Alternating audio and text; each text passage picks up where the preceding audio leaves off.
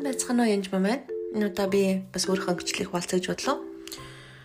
1989-оос 90 хэдэн оны ороо босгоо үедэд би миний хүүхэд нас өнгөрсөн бөгөөд энэ үеэд бас олон үйл явдал болж исэн. Тэгээд энэ үед болсон нэгэн хамсалтай явдал бол юу вэ гэхээр тэр үед хүмүүс олон хүмүүс гэртээ уцтай байгаагүй.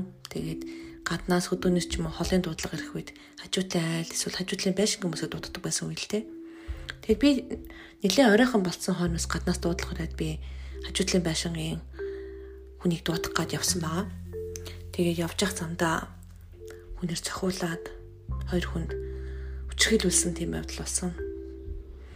Тэгээд энэ үйл явдлаас болоод нэлийн асуудалд орсон боловч цагтаа болон гэр орныхан маань хөөцөлтөд олигтой бүтэлд ороогүй цагдаа нар ч гэсэн за одоо маш олон хүмүүс энэ байдалд орсон байна. Танаа байрны баг олон хүмүүс хүчрхэлд үрцсэн байна. Харин жоохон ч том болсон байна. Харцсан гайгүй дээ гэж хэлж ирсэн ээж ч гэсэн нуугаад нуусан дээрээ ич өдөр юм болно. Хөө амтэн ч гэсэн тооцоохаа болчих үстэй гэж хэлж ирсэн. Эми маань юу гэсэгээр өө эмээ тэр үед мал дээр явхад ингээл хурж ивэл хүчнждэг байсан угаасаа эн чинь нормал зүйл шүү дээ. Угаач минийхэн гэж хэлсэн. Энэ үйл явдал нас хойш бас олон өөр юм төстэй үйл явдлууд болсон боловч би ямар ч байсан тэсэдэл байсан л та. Гэхдээ нэг өдөр ер нь тэсгээ болоод ингэж яхаар би үхий. Би амьдралд утгагүй юм байна. Би зүгээр л нэг муу цаас бүр хорч исэн цаасаас талаан дор үнцэнгүй юм байна гэж бодогдох үе байсан. Яг тэр жил 93 онд болсон үйл явдал л да. 93 оны 7 сард би анх удаа Америкийн Солонгосын мишнерүүд буюу сайн мэдээнд явдаг хүмүүс манай сургууль дээр англи захаар ирсэн. Гурван жоохон хүүхэд байсан. Майк Дженет гээд Кристиан гэсэн гурван хүмүүс. Тэгэд энэ үед манай ангийнхан маань англи хэлд хуваагдаж суугаал тэгэл англи хэл суралцаал тэрнээс гадна хажуугаар нь бас англи хэлний дараа бид нарт сайн мэдээ хуваалцж байсан. Тэгээ яг тэр үед юу гэж хэлсэн бэ гэхээр бурхан бол аав юм аа. Чамаа хизээч орхихгүй явахгүй гэжсэн. Би 5 настай манай аав маань манай ээжээс салсан бөгөөд яг одоо түүний салж явж исэн үеийг би одоо ч сандаг Тэр миний чамдаантай хувцсыг асгаад хоосон чамдааны наваад өөрхөн хувцсыг игээд аваа явжсэн. Аавыгаа би маш их сандаг байсан. Тэгээд ээж маань бас аавыг ч гэсэн бас буруутгадаг тийм байдалтай байсан үе.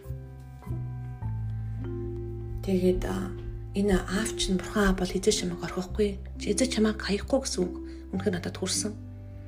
Тэгээд надад найдвар тасарсан энэ жил ер нь тэр жилдээ үхий гэж бодож байсан учраас надад энэ Иесус гэдэг зүйл их найдвар төрүүлсэн намайг хайрлсан надад дахиж дахин боломж олгож байгаа юм шиг санагдчихсан учраас би босдгуудаас илүү хурдан хүлээж авсан баха. Тэгээд бурхан авт хүрэх ганцхан гүүр бол Иесус Христ юм аа. Энэ гүүрээр дамжаач чи түн төрнэ. Харин түүнийг итгэж хүлээж авмал чи мөхөхгүй мөнгө амтай болно гэж хэлсэн. Мэдээж би Иесусыг дуртай хүлээж авсан тухай үедээ юу хүлээж авч байгаач мэдэхгүй хүлээж авсан баг. Тагаа залбирцгаасан. Тэгээ надад Библи өгсөн. Яг үүндээ Библи нь маш гой зурагтай дотор нь стикертэй байсан учраас би баяртайгаар хүлээж авсан. Тэгээ Библиэ 3 хоногийн дотор л уншаад дуусчихсан шинэгрээ байсан. Тэгээд яг үлгэр үлгэрийн ном уншиж байгаа шиг л уншсан баг. Тэгээ би энэ номыг уншаад дуусчлаа. Одоо болцсон доо гэж бодсон. Тэгсэн хэдий болооч дахин дахин уншсан. Эмээ маань хөөх ямар сонирхолтой ном бэ? Энд чинь буддигтай бас төстэй юм биш үү дээ. гэж уншижсэн.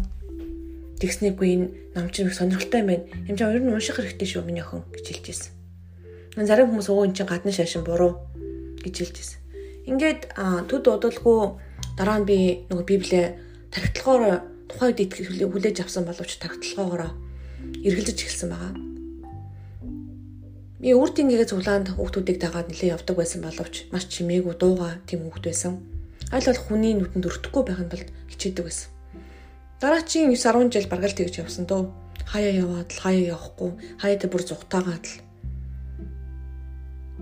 Тэгээд 2000 он болоход 2002 он болоход би нэлийн Иесус Христэд тухай ойлголтоосоо баг нэтсэн хэцүү байдалтай баг сүмд явдггүй юм байсан. Тэгээд яг хэцүү үед л би түүнээ залбирдаг. Бурхан минь та хаана байна гэд. Миний амьдрал утга учиргүй болох хэцүү болох үе зөндөө байсан. Гэхдээ би 93 онд хийсэн миний тэр залбирал 93-ны намар хийсэн тэр залбирал бас миний амьдралд одоо ч гэсэн тус болсоор байдаг. Тэр үед би би олон хүүхдтэй болмоор байна. Нөхөртөө хүүхдтэй болмоор байна. Надад дахин амьдрал өгөөд би байшинтай, машинтай магадгүй сургуулийн захирал би Америк нэгдсэн улсад очиж сурмаар байна. Тэгэл боломжоор өөрийнхөө хүчээр өөрийнхөө хэрэгнэлд хамгийн их том зорилгоодыг би тавьсан бөгөөд бурханд би тэрийг мэдүүлж ирсэн. Энэ үед найдар орж исэн гэдгийг ерөөсөө мэдээгүй. Харин тэдгээр залбирал 20 жилийн дараа бүгдээрээ биелсэн гэдгийг би хардаг. Би одоо нөхөр дөрвөн хүүхэдтэй. Би 35 настай байхдаа төрийн их сургуулийн нэг захирал сургуулийн захирал болж исэн. Нэг биш нэлээд хэдэн байшин машинтай Америкт байхдаа тэдгэрийг авсан, Солонгост байхдаа ч гэсэн. Тэгээ дээрэс нь Америк нэгдсэн улс сурсан, дэлхийдээ сурсан, доктор суралцсан. Хамгийн гол нь би Иесуст үнэхээр хайртай болж өөрчлөгдсөн. Тэгэд бас олон хүмүүс ичгсэн туслахсан гэсэн бодолтой болсон. Тэгээ энэ бүх зүйл бол 1993 оны 7 сарын 16-нд хэлсэн миний хамгийн энгийн нэг залбирлаас үүдэлтэй. Иесус Христийг өөрийнхөө аврагчснээ болгож хүлээж авсан явдалтай холбоотой. Энэ миний амьдралыг бүрэн өөрчилсөн залбирал юм аа та бүхнийг ч гэсэн бас хүлээж аваасаа гэж бодож байна. Тэр хүлээж авахыг хүсэж байвал эдийг ихийг мэдэх юм эсвэл та өдрийн маань хичээлд орж ирээрэй. Түүнчлэн бас надтай холбогдож болно шүү. За та бүхэндээ баярлалаа.